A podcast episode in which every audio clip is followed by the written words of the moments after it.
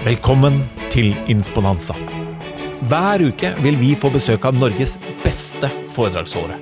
Det alle gjestene våre har til felles, er at de er her for å inspirere deg, og at du kan booke de på athenas.no. Jeg er Sigurd Granmark, og jeg er programleder og konferansier for konferansen Insponanza. Mer informasjon og billetter finner du på athenas.no. Velkommen til Insponanza. Basert på det som har skjedd eh, i studiet her den siste halvtimen, så er det bare å glede seg. Eh, inn kom en kar som Han kommer helt fra Stavanger. Han er ikke fra Stavanger. Han kan snakke ka bergens. Han kan snakke akkurat som mine kompiser fra midterste Oslo. Men han, eh, for mitt meg, eller så vidt jeg vet, så er han fra Bodø-området. Han er det de kaller en prisbelønnet foredragsholder. Han, har fått, uh, han er Bodø-ambassadør, har fått Terje Nilsens ærespris for sitt arbeid for psykisk helse. Han gjør, gjør, en viktig jobb rundt over hele Norge for Athenas. Alexander Skalberg, velkommen til Insponanza. Tusen hjertelig takk. Jeg vet ikke helt om jeg skulle ta det på østlandsk eller bergensk eller eh, nordnorsk, men jeg fant vel ut at vi skulle ta det på nordnorsk. Ja, jeg, det er jo litt sånn jeg, jeg, jeg, kan jo ikke en dialekt, og, og i tillegg er jeg jo tonedøv, så for meg er dette kjempeimponerende. Men det er vel litt sånn at man ikke skal glemme hvor man kommer fra, da vel? Nei, altså det er jo noe med det at når du er Bodø-ambassadør, da, da, er du virkelig fra riktig plass. Så, så jeg tenker at eh, vi, vi kjører den nordnorske vrien. Ja, for hvis det, an, hvis det er én grunn som sikkert står i de statuttene for den eh, Bodø-ambassadørutdelingen, så er det at hvis han begynner å prate orskav bokmål, så tar vi den tilbake igjen. Ja. jeg tror ikke du jeg skal gjøre det. ordføreren og Ida om det, uh, men, uh, men jeg tror det at det der Nei, vet du hva, jeg er så stolt over å, å være ambassadør for en by som definitivt er en av Norges fineste byer. Ja. Du syns det? Ja, det ja. syns jeg. Ja, Bodø er fint. Jeg har vært der mange ganger. Bra. Og for et fotballag, da. Glimt, oi, oi, oi. Bodø-Glimt, oi, oi, oi. Du vet hva, de leverer så sinnssykt. Så nå kommer jeg ikke hit for å snakke om fotball, men jeg kan bare si det som så at hver gang jeg sier hvor jeg er fra, så stusser folk over om de liker meg eller ikke. For at Bodø-Glimt gjør det ufattelig bra. Ja, og så det, skal vi ikke gå videre, men de har jo terga på seg hele Norge med hvordan de har håndtert korona. Du, altså, eh, som person, eh, fantastisk godt førsteinntrykk. Eh, jeg, mitt første, aller første førsteinntrykk, hvis vi kan si det, var gjennom 71 England Nord, da du var med der. Da både gremtes du og smilte litt eh, da vi pratet om det. Men eh, jeg, jeg syns at når vi skal Det har vært ingen sjelden at en lettere overgang til litt sånn hvor man kommer fra. For du har et foredrag som heter 'Fra problembarn til problemløser'. Men for de som eh, har sett ditt blide smil, din karakteristiske hatt og dine flotte briller, bare stort sett på bilder og kanskje litt på 71 og andre steder, fortell litt om deg selv, da. Ja, når man skal begynne å fortelle om seg sjøl, så blir man alltid litt sånn skeptisk. Hvor skal man starte henne? Men jeg tror at jeg, jeg må starte der at eh, jeg er adoptert fra Colombia, fra en, eh, en, by som heter Cali. Um, og kom da til Bodø i mars 1995. Var rundt 22 måneder gammel, en liten tjukk, liten fargeklatt. Eller jeg liker å si fluffy, jeg syns fluffy er et så koselig ord.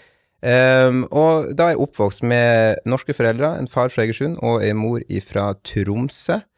Uh, og så lurer man jo sikkert på hvordan i alle dager møttes de. Og min far var jo oppe i militæret, og min mor var sykepleier, så da var det jo en ganske god match.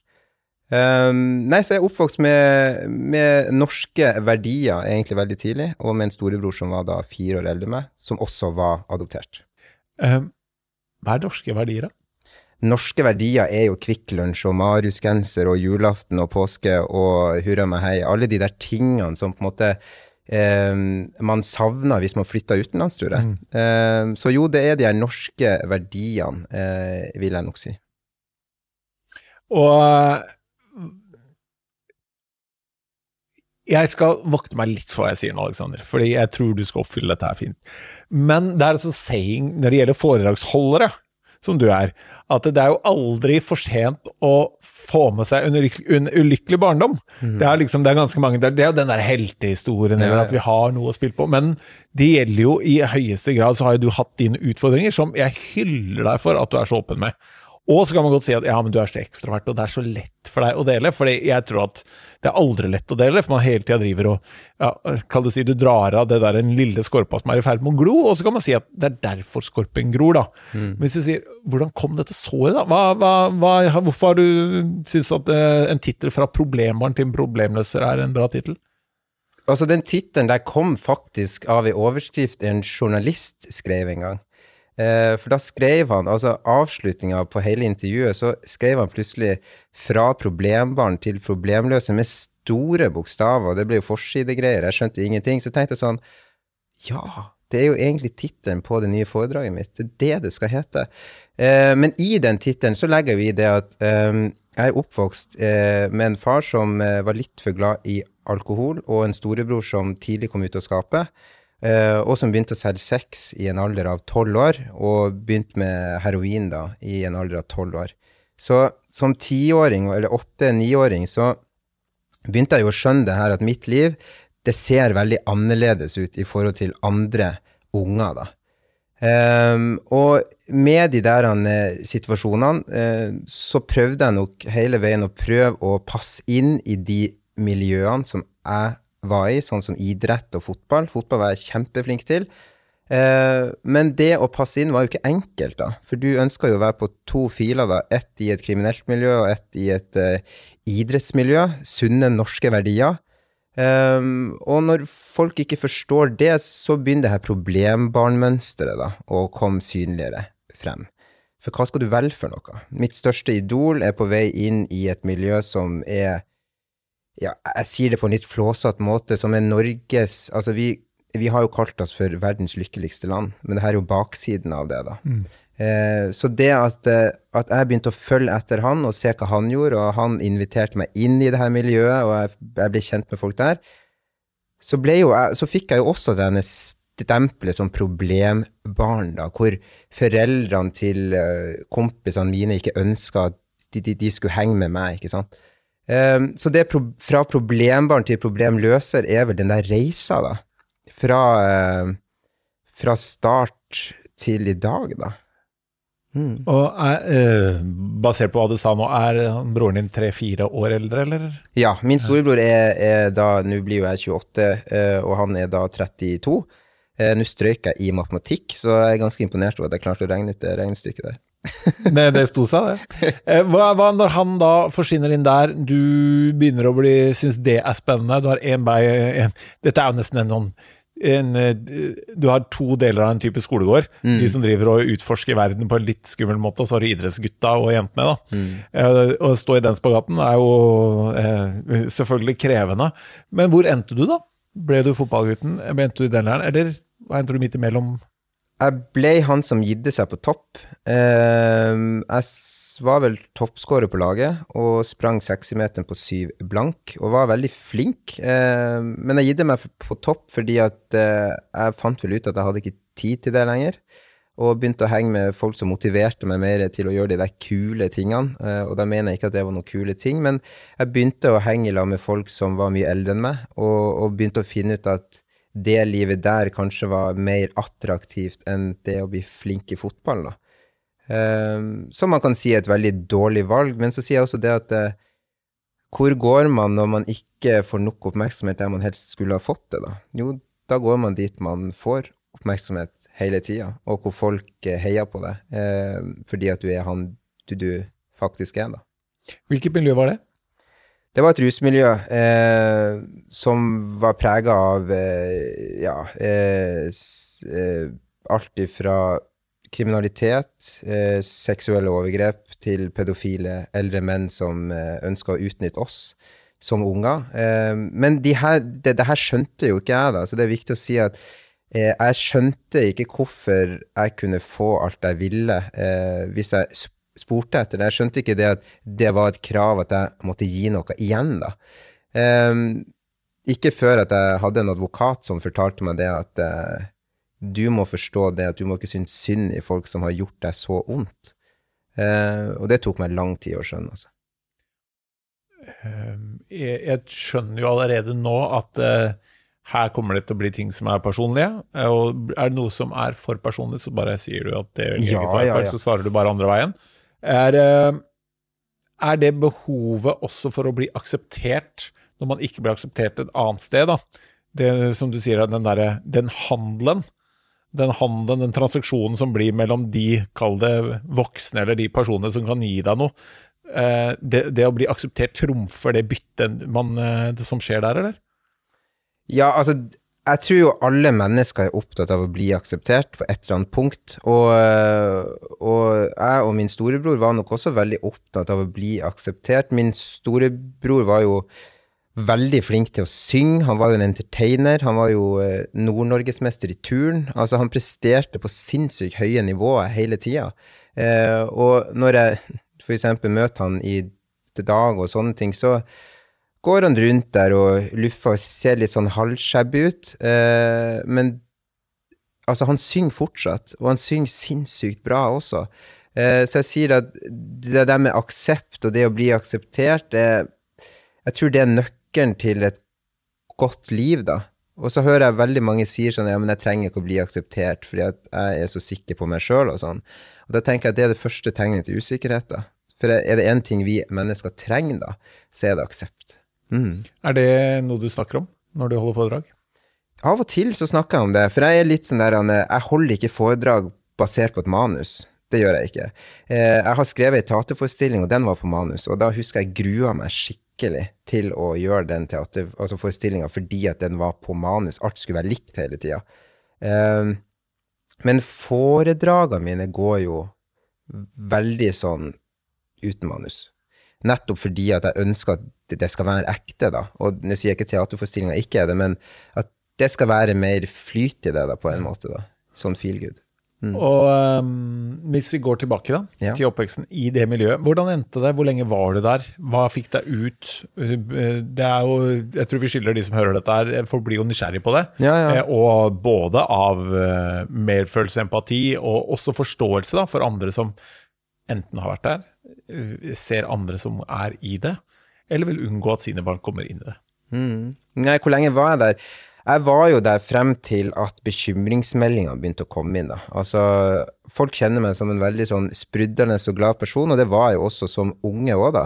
På skolen så var jeg han som eh, ja, var oppe i trapesen og på en måte holdt det på der.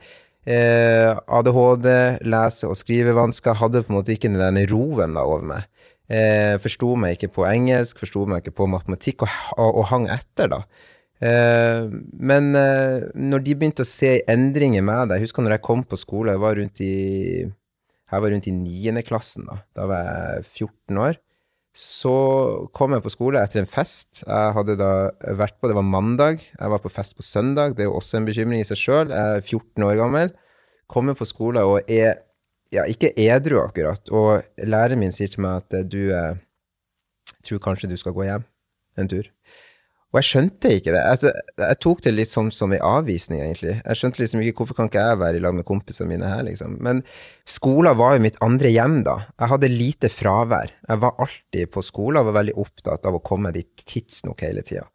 Eh, men da var det liksom første hintet da, på at nå er det noe som skjer her. Altså, vi ser at du blir henta i forskjellige biler, og du kommer på skolen hva tid du vil. Du, du er litt mer fraværende da. Så det er liksom det første jeg tenker å gi et råd til foreldre, da, er jo det å være til stede, være opptatt av hva ungene gjør for noe. Eh, og i dag så, så, er det jo Altså, alt går jo på nett. De har jo Instagram og TikTok, og de har jo alle de her appene, da. Eh, men, jeg, men, jeg, sier det som en oppfordring at eh, sleng dere i sofaen med ungdommen. Eh, vær aktiv. Eh, og hvis det handler om at eh, mamma på 57 må på TikTok, ja vel, så gjør du bare det. Eh, for det handler om å være delaktig da, og se hva som skjer for noe. For det skal ikke stikkes under en stol i det hele tatt at det selges og kjøpes ting eh, både på TikTok og på Facebook og overalt. Altså, vi har ikke kontroll. Så hvis det er den lille tingen vi kan ha da, med å være aktiv og så tror jeg det at det handler om å se, høre og forstå ungdommene våre. Så det er å være til stede, tenker jeg, superviktig. Jeg tror det er, det er et kjempeviktig råd. Jeg snakket med en, eh, en 16-åring om det. Hvor er det man kjøper eh, dop liksom, nå i dag? Da? Jeg ser jo ingen som står og selger det er på Snap liksom, og TikTok. Og, så helt og, og, og, bra. Også det for å være i stedet i deres liv, som du sier. Eh, ta del i det. Var det noen som tok del i ditt, eller? Som gjorde at du kom deg ut, eller var det sånn Alexander ja, det, 14 tok grep? Og jeg syns det er så fint du sier det, for det, og det er akkurat der eh, jeg tenker at vi har eh, kommet til denne fine historien, var at eh, ja, eh, det var mange som kom inn og tok del i mitt liv. Eh, de som kom inn først, så jeg nok ikke helt. Men eh, jeg ble plassert på ungdomshjem i 2007. Eh, rett etter den hendelsen her på skolen og alle de situasjonene der. Eh, og da var jeg 14 år, og da ble jeg plassert på ungdomshjem. Og møtte ei dame fra Narvik eh, som kom til meg da. Og, og, og egentlig så syns jeg hun var veldig direkte og veldig sånn ufaglig måten hun prata på. Men det var kanskje det jeg var ute etter, da. En sånn morsfigur-ish. Som kunne komme til meg og si at greit nok at du har fucka det opp, Alexander, men nå må du faktisk skjerpe deg. Um, og da er det en sånn liten sånn uh, shout-out til det, da, er at jeg, jeg fikk jo lov til da å lage et TV-program i november 2020, som ble sendt uh, på NRK uh, rett før jul, Uh, hvor jeg fikk lov til å gi en overraskelse til henne her, da. Og jeg skal ikke si hvem det er, for jeg har lyst til at det skal ligge litt, så kan folk gå inn og se den istedenfor. Men, eh, men jeg tenkte å bare si det at når du bor på ungdomshjem, så får du ikke lov til å gi noe. Du, jeg husker jeg hadde pakka inn en eh, sånn gave, og hun skulle på ferie, og jeg ønska å gi henne den, og som en sånn stor tusen takk for at. Men så husker jeg det at jeg fikk eh, streng beskjed om at eh, vi får ikke lov til å ta imot noe fra ungdommene. Og det følte jeg jo igjen på som en sånn avvisning, sant. Ok, veldig sånn eh, ok, du er på jobb, jeg er ungdom, liksom. Men da, 13 år etterpå cirka, så fikk jeg lov til å gi noe virkelig eh, i gave, noe ordentlig. Eh, så eh, programmet heter Til deg fra meg, og det anbefaler jeg alle å ta seg en tur innom og se. For det var helt amazing å endelig få lov til å se henne igjen, og så ikke minst få lov til å gi henne noe som jeg vet at hun setter pris på. Og den ligger på avspilleren til NRK sikkert, da? NRK TV, ja. Til deg fra meg, episode tre. Ja, og til deg fra meg, da. Alle kan jo ikke få et uh, TV-program uh, til slutt, men alle kan være noe for noen, mm. som etter, i ettertid kan vise seg at de var alt for noen. Definitivt. Hva er dine tanker om hvordan man kan hjelpe barn som, uh, og, eller unge som sliter med psykisk helse? Hvordan tillater man seg den settingen her? Det er jo litt for uh, folk som enten har fått et barn, bekjente eller venner av barn de ser sliter. Hva gjør man?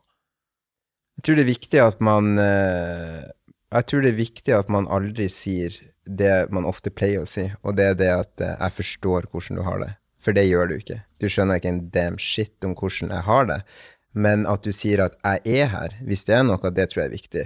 Uh, jeg har funnet ut at uh, Vær litt sånn uh, årvåken i forhold til hva de gjør for noe, og hvordan de er, men det å, å, bare vise at du er til stede, det tror jeg er kjempeviktig. Om det er jeg, jeg, jeg pleier å Min metode er å sitte og vente til de faktisk kommer til deg, men at du viser at du er til stede.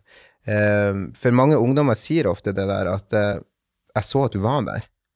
Eh, og det hjalp nok egentlig ganske godt. Så jeg tror det er viktig, som jeg også sa i stad, at det å være til stede er nok egentlig prim én. Og så er det det å, å, å, kunne gjerne prøve å forstå, men eh, ikke si at man forstår. Fordi at den situasjonen eller den hendelsen eller det livet man har levd, det er jo vilt forskjellig fra enkelt, altså fra person til person. Da. Så jeg sier at alle har vi en historie, da. Eh, og den historien eh, vi innehar, er det bare vi som har opplevd. Så eh, nei, jeg tror det er viktig å på en måte si at jeg er her. Jeg er til stede, og jeg ser det. Det er ja, mitt råd, i hvert fall. Ja, og jeg, det å, å, ikke legge andre føringer enn det, mm. tror jeg er kjempebra. Og kanskje også gjenta det og repetere det, istedenfor ja. å, som du sier, si at du trenger ikke å, å, å til og med nesten presisere at jeg vet ikke, jeg, forstår, eller jeg forstår ikke hvordan det er, men vit at jeg er her. Og kanskje med enkle teknikker, om det er telefon eller andre ting, vi gjenta mm. det. Det tror jeg er fint. Og plutselig så kan du treffe den personen du skal hjelpe, når den er klar. Ja, og så tror jeg det, det er mange som, eh, og det her kjenner nok sikkert noen seg igjen i, at det å kjøre tur med ungdommer i bil det er noe av det fineste som skjer. For det, det er et eller annet rart tragikomisk med at det, som regel, heldigvis, velger ikke ungdom å hoppe ut i fart, så de blir sittende der. Og de hører på altså, musikk som du kanskje ikke hører på, men still så får man en, en, en kommunikasjon da, på et vis. Og jeg husker det at det, det å kjøre tur, eh, det å prate og kjøre tur, det var liksom nøkkelen for å komme seg inn hos meg. da. Hvis jeg var stille en dag eller jeg ikke sa så mye, så var det prima, altså. Det å kjøre tur og prat. helt nydelig. Bra tips. Og jeg har alltid, med mine barn, vært den som, som jeg sier, jeg henter og kjører alltid, uansett hvor dere skal. Og det, altså, der er det mye tid, da. Altså, men det å forstå de, og, og den historien som, som du sier, alle har vi vår historie. Du gikk jo fra problembarn, som du sier selv, eller barn med problemer. Mm. Blir det mer for meg nå? Veldig store problemer òg. Ja. ja, og det er litt sånn, hvor setter man det? Er det barn med problemer eller problembarn? Det er litt sånn noen rekkefølger der. Som går fra et barn med problemer, som da blir et problembarn for andre, som da din historie, da øh, Det er nesten Ja, det er vanskelig å se en mer sånn Hollywood-historie enn at du ender som foredragsholder? Hvordan endte mm. dette her som foredragsholder? ja, det er ganske det, altså, det er ganske morsom, rar historie, fordi at jeg var jo den ungen som var stille på skolen, sa ikke så mye, sleit med stamming og det at jeg ikke klarte å fullføre ord og setninger. Det å lese høyt i timen var helt uaktuelt. Eh, og når det kom til min tur, da, at vi skulle lese høyt, så gikk jeg ned på toalettet, eller så var ikke jeg til stede i det hele tatt. Eh, fikk en sånn angstsituasjon, da. Og slit med det her Det å liksom henge seg opp i jorda, det, det, er jo noe som er veldig tabu, for det er ikke så mange som prater om det.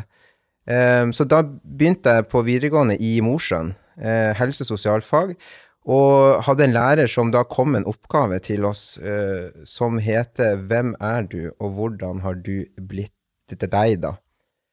Og da tenkte jeg sånn Shit, nå skal vi enda en presentasjon, og sist presentasjon vi hadde for en uke siden, den gikk jo ikke så bra, for jeg stutra jo og stamma jo og var superkrise, altså i angstopprør her.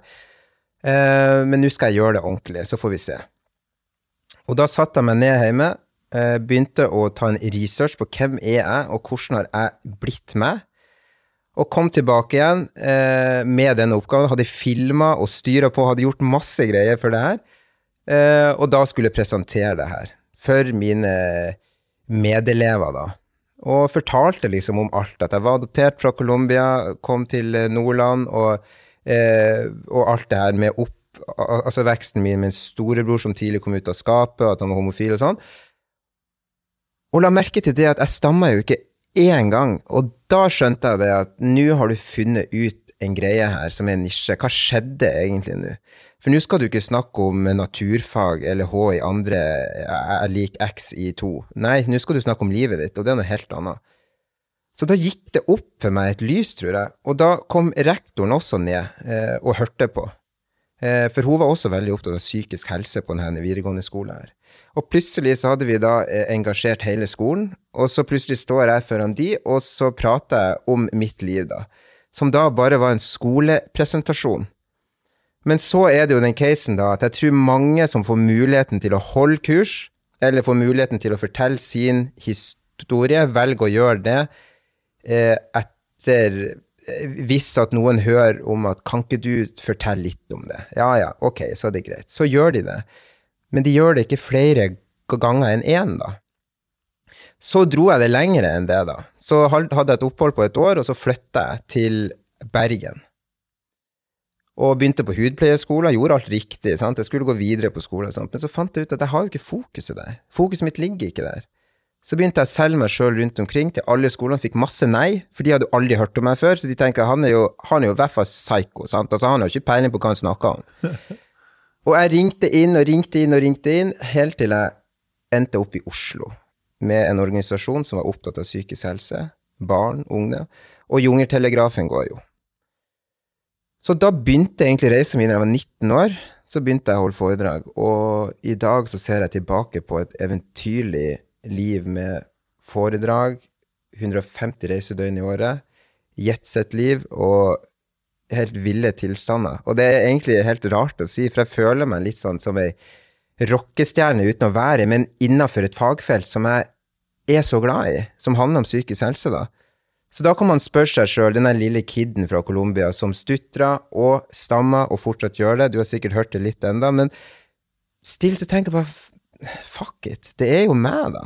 Jeg stammer, ja vel, noen sier at det er jo litt sjarmerende å høre på, jeg syns det er helt forferdelig, for jeg skulle gjerne ønske at jeg var så perfekt, men det å jage etter det er jo ikke noe vits. Jeg har en historie, og har fått lov til å fortelle den eh, land og strand, øst og vest, og 12. mars så sier det plutselig helt stopp. Og 12. mars, og det kjenner jeg gjør noe med meg, for at eh, eh, Jeg har alltid vært en kid med store ambisjoner om ting, da. Eh, og endelig så eh, Så skulle jeg få lov til å gjøre det største jeg har gjort, liksom. Eh, jeg hadde fått noen til å skrive det over på engelsk. Eh, flyet mitt går klokka 10.45 til eh, New York. Eh, jeg hadde skrevet over alt som jeg hadde gjort på norsk til engelsk. Jeg, eh, engelsk var jo jeg ikke flink på i det hele tatt, men det jeg skulle lese her, det må jeg kunne. Om de forteller etterpå sånn eh, hvordan hadde du det da, så kan ikke jeg si noe på det, for jeg kan ikke engelsk, liksom. Men det jeg skal si her, kan jeg. Jeg har alltid vært en kid med høye ambisjoner, da. Så reisen til USA var liksom åpninga mi, da. For jeg sa til meg sjøl at jeg skal gi Norge ti år, men Norge er for lite for meg. Så 12. mars klokka 10.45 så går flyet til USA. Til et kurs og en konferanse jeg skulle på, hvor jeg skulle få lov til å slå igjennom, endelig. Men det flyet sitter jeg ikke på. Jeg kunne reist, og jeg kunne kommet meg hjem igjen, men jeg valgte å ikke gjøre det. Eh, på grunn av korona, da. Så det Altså, ja, den der lille kiden som plutselig ikke var så liten lenger, han skulle ut, og det som er sykt med det her, er jo at alt det her har jeg jo egentlig bare funnet på sjøl, da. Jeg har engasjert meg sjøl, jeg har møtt kule folk, jeg har møtt deg, jeg, altså jeg har møtt folk som er på en måte genuint opptatt av det de på en måte holder på med, da, som har leda meg videre, da. Så eh, jeg er veldig takknemlig, det er jeg jo. Det er jo en, en, fantastisk reise. Jeg mener jo at vi alle har det i oss at vi kan ta noe fra ingenting til noen ting til allting. Men vi må bare finne ut hva ingenting er. Mm. Og det var jo den starten liksom, på den videregående skolen i Mosjøen. var den fantastiske oppgaven. Eh, hvem er du, og hvordan ble du til den Mm. personen? Og da sa du, så måtte jeg begynne å gjøre research på hvem jeg var, Mm. eller hvem du er. Hva fant du ut? Og, eller hva fant du ut da, og hvem er du nå i forhold til da? Eh, ja, prøv å gjøre det kort. Eh, det, det jeg fant ut da, i hvert fall, eh, på den researchen her på hvem jeg var, så fant jeg ut av det at eh, min historie, så ydmyk som jeg er, er verdens viktigste historie. Nettopp fordi at den snakkes for lite om. Eh, jeg scora høyt på alle de kriteriene som handler om psykisk helse. Forhold til det med adopsjon, forhold til det med overgrep, forhold til det med rus, kriminalitet, eh, psykiatri. Eh, alle de tingene der scorer jeg så høyt på, da. Eh, men jeg fant ut at jeg må, jeg må gå inn i det her og eh, konkretisere det mer, da. Eh, og prøve å gjøre det så kort som mulig. Det er et kurs, et kurs på, på en time, da, som jeg skal holde, da. Avholde. Eh, så det å få med seg hele livshistorien sin på en time, det er ikke enkelt. Eh, og det er mange viktige ting du må luke ut. Eh, men jeg fant ut at ja, egentlig så er jeg en ganske eh, Jeg er en unge med mangfold, da. Eh, som har et levd liv som jeg håpa at folk hadde lyst til å høre på, da. Eh, og ydmyk og glad er jeg for at folk faktisk enda hører på meg, da. Det syns jeg er helt fantastisk. Og i dag så har jeg jo funnet ut mer ting av hvem jeg er, og hvordan ting var. For etter korona, så, eh, og i den pandemien vi har vært i, så, så fikk jeg meg kjæreste, og, og, og hun var i full jobb, og, og jeg hadde liksom ikke noe jobb da. Og, jeg kjente på det at eh, jeg som person forandra meg. Eh, og jeg hadde så lyst til liksom å være den der gode kjæresten, og så plutselig finner du ut at det er ikke det du er akkurat nå. Um, og, uh, og så skjer det forskjellige ting inni her som gjør at jeg, jeg skjønner jo det at uh, det du er på vei til å bli, Aleksander, det er at du er på vei til å bli veldig syk. Hva er Du- forskjellige ting? Uh, nei, forskjellige ting er jo det at, at man, man reagerer på forskjellige måter som man kanskje ikke skulle ha reagert på, da, som eh, avvisning eller, eh, eller eh, om det er kontrollbehov, eller om det er forskjellige sånne småting da, inni der, som blir utrolig store ting, da. Eh, men det jeg la merke til som skjedde med meg i korona, da, og, og som jeg ikke er noe særlig stolt over, er jo det at jeg forandra meg fra å være en person som var utadvendt, veldig opphypa og elsker å møte folk, til å være den der inneslutta skyggen av et levd liv, da. Og det at hun som kjæreste skulle forstå seg på det, det kan jo ikke jeg forvente, og det gjør jeg ikke heller.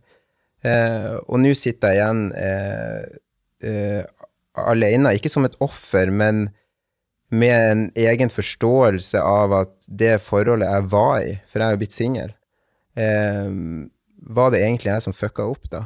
Eh, bare for å finne ut at eh, at eh, at jeg egentlig skulle ha gjort ting annerledes, da.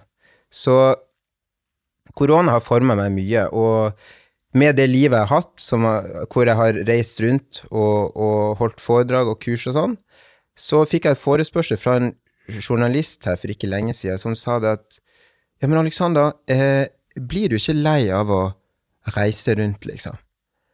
Og så sier jeg til ham nei, jeg blir ikke det. Uh, du kan ikke bli lei fremtidens helter. Du kan ikke bli lei ungdommene våre. Men det jeg ikke skjønte med det, var at jeg har lagt lokk på alle de følelsene jeg hadde, som da kom frem når eh, scenelyset var av, når eh, ingen applauderte, og ingen kom opp til meg lenger, da. Og det gikk utover eh, hun jeg var i lag med, da. Eh, så hun fikk kjenne på den reaksjonen da, som pårørende eh, til en mann som var på god vei til å bli veldig, veldig syk. Så jeg er glad for at jeg har sjølinnsikt i dag, da. Eh, jeg er glad for at jeg har folk rundt meg som forteller meg akkurat det, da, at hadde du ikke hatt sjølinnsikt, Alexander, så hadde ting sett helt annerledes ut. Og det er nok det som også gjør at du kjenner på den følelsen av at jeg skulle ønske at jeg kunne gjøre ting annerledes. Eh, og, og takk for ærligheten din. Og det, en ting er jo å fortelle hvordan man skal hjelpe andre. Det du sa i stad med vær der, vi forteller at du er der. En annen ting er å kan fortelle og kjenne på kroppen hvordan det er å få hjelp selv, og hvordan man tar tak i de ting selv. Og hvis jeg gjør tidsregningen riktig her, når du var 19, da du var 19 år når du holdt foredraget på videregående i Mosjøen, eh, hvem er du, og hvordan ble du til den du er? Eh, så har du hatt, eh, du er 28 år, så har du hatt ni år, eh, hvor du kanskje uten å vite også har hatt mye igjen for å dele følelsene dine, ikke sant? Den Ja, ja, ja. terapeutiske delen av foredragene dine på veien, og så hadde du det tiende året som du er inne i nå, som du hadde på deg til å lykkes i Norge, da. Så, og det er jo ingen i verden som gir noe empati for at du ikke vil dra til New York og breake internasjonalt. For det, det, liksom, det blir litt den derre eh, som du syns er viktig, og som andre som Ja, fint, hvis du får det til. Og Ja. meant to be, så veit du at din tur til New York, den kommer. Ja. Det er bare å være bra nok. Men det jeg, hva gjorde du da? Du da det virker jo som du har, gått en, du har en evne til å reflektere rundt dette her. Eh, Korona kom 12. mars, du sitter ikke på fly. Eh, hele foredragsbransjen i Norge ser synd på seg sjøl. 13. mars så vet du at de fleste foredragsholdere var eksperter på hjemmekontor. Noen blir lei seg, noen tar tak. Noen blir eh, vanskelig å ha med å gjøre, som du sier, og noen blir faktisk eh, de det er mer som jeg mener det er faktisk da man skal ha en merfølelse for, er de som blir psykisk eh, syke av det, uavhengig av yrke. Hva gjorde du for å hente det opp igjen? Og, og eventuelt, da er det opp igjen? Ja, altså ehm, For det første, det jeg gjorde, var egentlig ikke så veldig mye. Og det tror jeg var det største problemet. Jeg valgte å gå inn i ei boble hvor det å ta ekstravakter på institusjonen jeg jobba på, var viktigere. Ehm, det å få jobb ute på havet var også viktig. Eh, det å få ting til å gå rundt, da, var superviktig. Eh, foredragene var det mindre interesse for. Jeg prøvde å skrive litt om psykisk helse og sånn. Men det var liksom Nei, jeg følte at det ble bare feil, for det skjedde liksom ingenting rundt meg. Alt ble bare så kjipt. Um, men så begynte jeg bare å innse det at verden kommer ikke til å forandre seg, så du må begynne å forandre verden etter hvordan du vil at ting skal være, da. Um, og det går jo selvfølgelig opp og ned med både følelser og alt det her, men oppi det der så tenkte jeg på det at enten så kan du velge Altså, som eh, hun på ungdomsheimen sa til meg, at eh, greit nok at du har fucka det opp, Alexander, for det har du. Og sånne ting tenker jeg på akkurat i dag, så tenker jeg at ja, greit nok at du har fucka det opp, for det har du faktisk gjort, og det må du stå for. Det er ditt ansvar. Eh, men så er det jo sånn at livet går videre. Og eksen min sa det så fint at jeg må leve mitt liv, du må leve di- di- ditt, og sammen så på en måte eh, må vi gå videre. Eh, og det tror jeg er litt av det her at jeg sitter her i dag med deg, eh, er jo også litt av det at livet går jo videre. Eh, jeg må komme meg opp der. Opp med haka. Det sier jeg til, ofte, det sier jeg til mange. Opp med haka, se fremover. Men det å si det til seg sjøl, det er vanskelig. Så nå har jeg sagt det til meg sjøl egentlig i to uker, at du må opp med haka, Alexander, og du må begynne å fokusere nå. For hvis du graver deg mer ned nå, så får jo ingen gleden av det du ønsker, sant? Gleden av psykisk hel- helse, åpenhet. Så det er der jeg er nå, at jeg tenker at eh, jeg gleder meg til å komme opp på scenen igjen. Jeg gleder meg til å møte publikum. Fagfolkene, organisasjonene, eh, foreldre, pårørende. Eh, og gleder meg til å reise på ungdomsskoler og møte ungdommene, fremtidens helter. sant? Så jeg sier til folk det at eh, hvis dere ønsker foredrag om psykisk helse, så er det jo selvfølgelig meg dere skal ringe. Det er jo, det er jo, altså jeg snakker jo om ting som ungdommer vil høre, og ungdommer kommer jo til meg, og så sier de det at Alexander, gud, så bra at du setter ord på de tingene der, for det har jo ikke jeg fått noen andre til å sette ord på. Så ja, jeg er litt frekk og litt freidig, men jeg er direkte, og det er jo det ungdommene sier som hake nummer én. De spurte aldri, de var aldri direkte nok. Så, øh, og det er nok det som har gjort at jeg har fått lov til å både stå hos Athenas og ikke minst få lov til å komme hit, det er at eh, jeg skiller meg nok ut der, tror jeg. At jeg er direkte, og jeg er uredd, og jeg er ikke redd for hva folk skal si til meg etter det her heller. Og jeg håper jo at folk eh, gir meg en liten sånn feedback på eh, takk for at du prater om de tingene her. Eh, for det er viktig. Og det er viktig at vi snakker om psykisk helse nå, enda mer viktig nå enn det var før korona. Og før korona så var det jo eh, også kjempeviktig, men det er mange, inkludert meg sjøl, som har fått smertelig erfart eh, hvor eh, fatalt det her egentlig kan gå. Og jeg er veldig heldig og glad for at jeg sitter her jeg sitter i dag, for det var kanskje ikke eh, tilfellet. Så jeg er veldig glad for det. Ja, det er jeg også. Eh, veldig glad for. Eh, jeg vil gi deg en utfordring, så du ikke har fått eh, ett sekund å forberede deg før du får det av meg nå. Forbered Forberede. Eh, men eh, det har gått ti år nå. Ja. Eh, Tiårsjubileet ditt er nå. Du hadde ti år på deg å eh, lykkes. La oss si at vi tar akkurat nå, så skrinlegger vi det foredraget du skulle holdt i eh, 12. november. Mm. Vi brusher opp engelsken din litt. Mm. Uh, vi uh, tar uh, the 10 years anniversary, eh, anniversary 10 years university. 10, 10 years anniversary, så tar vi og bruker det til at når du setter deg på fly 12. mars, eller la oss si 12. august, da, til New York, så er spørsmålet mitt da det foredraget du skal, hette, som du skal holde da. For når du sier de siste 14 dagene, så har jeg tatt tak. Det vil si at du er jo ikke helt out of the woods ennå. Nei, nei. Eh, foredraget du skal holde 12. august i New York heter Hvem er du, og hvordan ble du det? Men hvordan ble du som du er? Ja. Du skal holde det samme foredraget ti år etterpå. Hvem er du 12. august, og hvordan ble du sånn? ja. Skulle jeg ha tatt det på engelsk, da? Nå? Nei, altså, men jeg, jeg husker det, det som er litt gøy med det her, er jo det at, eh, at eh, jeg elsker å bli utfordra og sånt. Jeg tenker at jeg husker faktisk For jeg øvde jo i ett år på det manuset, og jeg husker at det går som følger A great deal of my involvement is probably to do with the fact that my own upbringing didn't turn out the way they supposed it to, but quite different. Welcome to this talk from problem child to problem solver. This is me, Alex.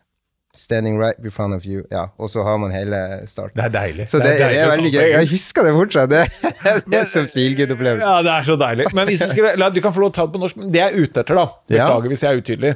Det jeg er ute etter, er hva er byggeklossene du nå må sette sammen for at øh, ikke sant? Korona er dine omgivelser, mm. og så må vi bygge Alex så sterk at eh, korona kan komme igjen, andre ting kan komme igjen, men de bryter ikke Alex. Mm. Eh, hvem er du, og hvordan kan du Hvem er du når du har satt sammen det, og hvordan tror du at du må bygge sammen for at du neste gang blir sammen med en, eh, en ny dame, da, som du sa det var, og hun skal bli og du er dritstolt av deg sjøl i det forholdet. Hva er det du må bygge sammen? Vet du det? Har du identifisert liksom hvordan du skal bli den uh, den sterke Alex som du er stolt av?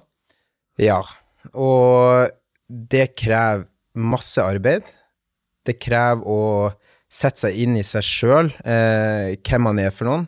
Det å ta de bitene ifra hverandre og bygge de sakte, altså men sikkert opp.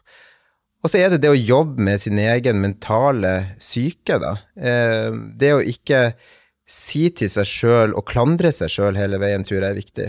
Så når jeg sitter på det flyet da, over til USA, så har jeg nettopp gjort akkurat det, da. Um, og det kjenner jeg også på at det er, jo, det er, jo, det som er på vei til å skje, da.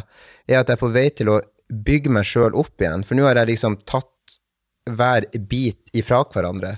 Og ser nå at 80% av det som var meg, er 80% som har såra noen andre. Mm. Um, men lær av de feilene, da. Lær av de feilene. Og vær ærlig med deg sjøl hvorfor de feilene der skjer, eh, men ikke fokuser på det hele veien, for da blir du ikke bedre.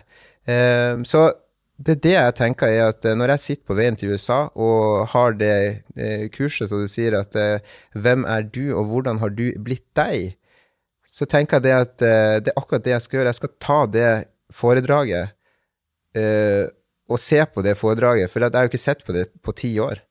Og det å på en måte ta det opp igjen og se på hvor, både hvor trasig det var oppbygd, og, og, hvordan jeg gjorde det, men da presentere det på nytt i USA Jeg tror akkurat det jeg skal gjøre da.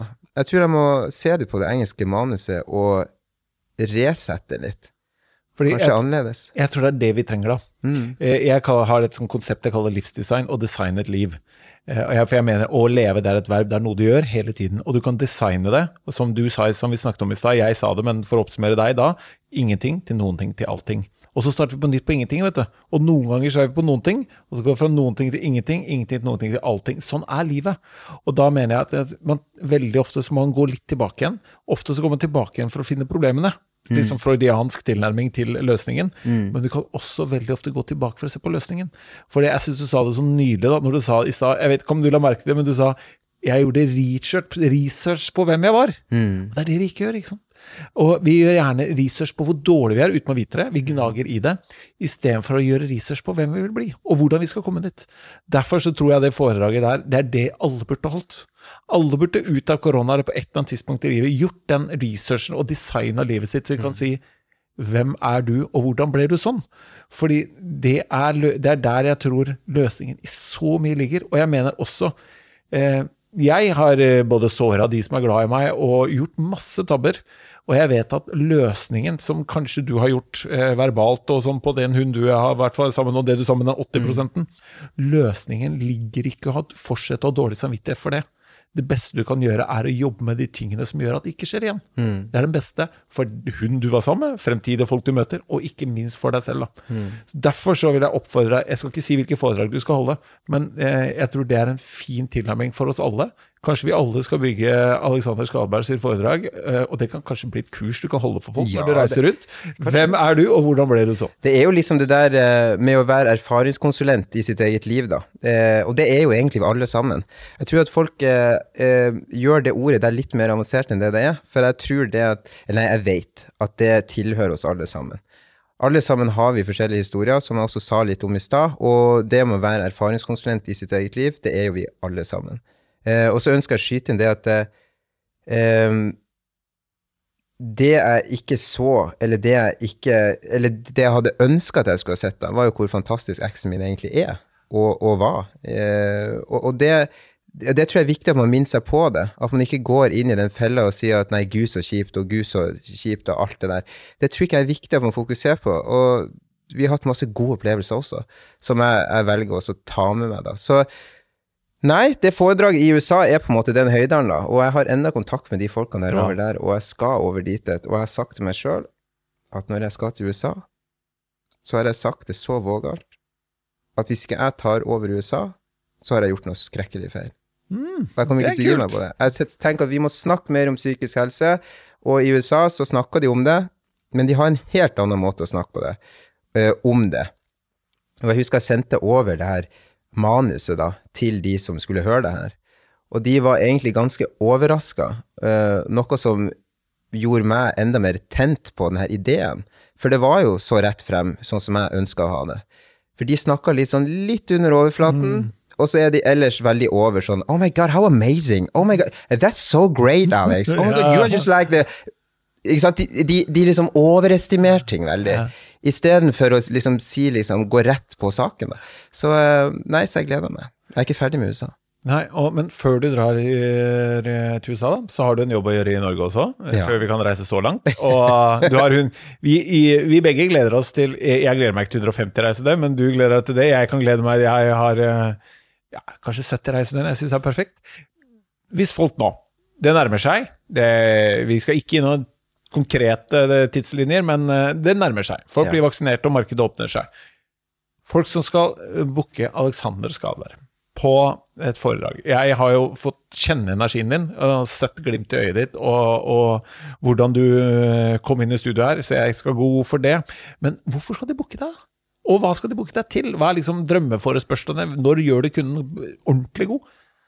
Det første jeg vil si, er jo at jeg håper jo at eh, de tar kontakt med Athenas. Eh, for Athenas er min lille gode familie, og jeg går jo god fordi at alle som sitter eh, i Athenas, tar godt vare på kunden.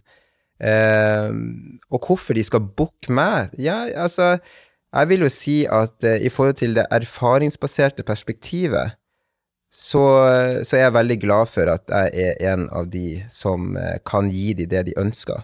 Nettopp basert på det at jeg er ikke A4. Jeg er ikke en foredragsholder som er A4 i det hele tatt. Eh, jeg pleier ofte å si til kunden det at eh, bare si hva dere ønsker at jeg skal prate om, så skal jeg prate om det. Og i 99% av tilfellene, eller 100% av tilfellene, så går det egentlig smørende rent, og det er veldig gøy, fordi at da får kunden akkurat det de vil ha.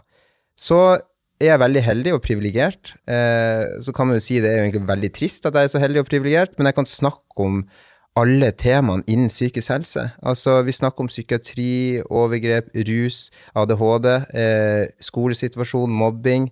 Eh, vi har alle de der temaene og kategoriene, så derfor sier jeg at det er jo som å bare trekke en lapp og kose dere med den. For det, jeg har opplevd i hvert fall det at jeg at Tenas har en sånn egen ting da, som jeg syns er så fint, eh, at de gir terningkast. Eh, og når jeg får seksere på seksere, så blir man nesten litt sånn cocky. Eh, men jeg velger å la det ligge der og, og ha jorda eh, under meg og tenke at det her skal gå fint. Eh, for hver gang jeg holder foredrag, så er jeg nervøs, men jeg vet at egentlig så står alle i samme situasjon, fordi at vi ønsker at det skal være best mulig.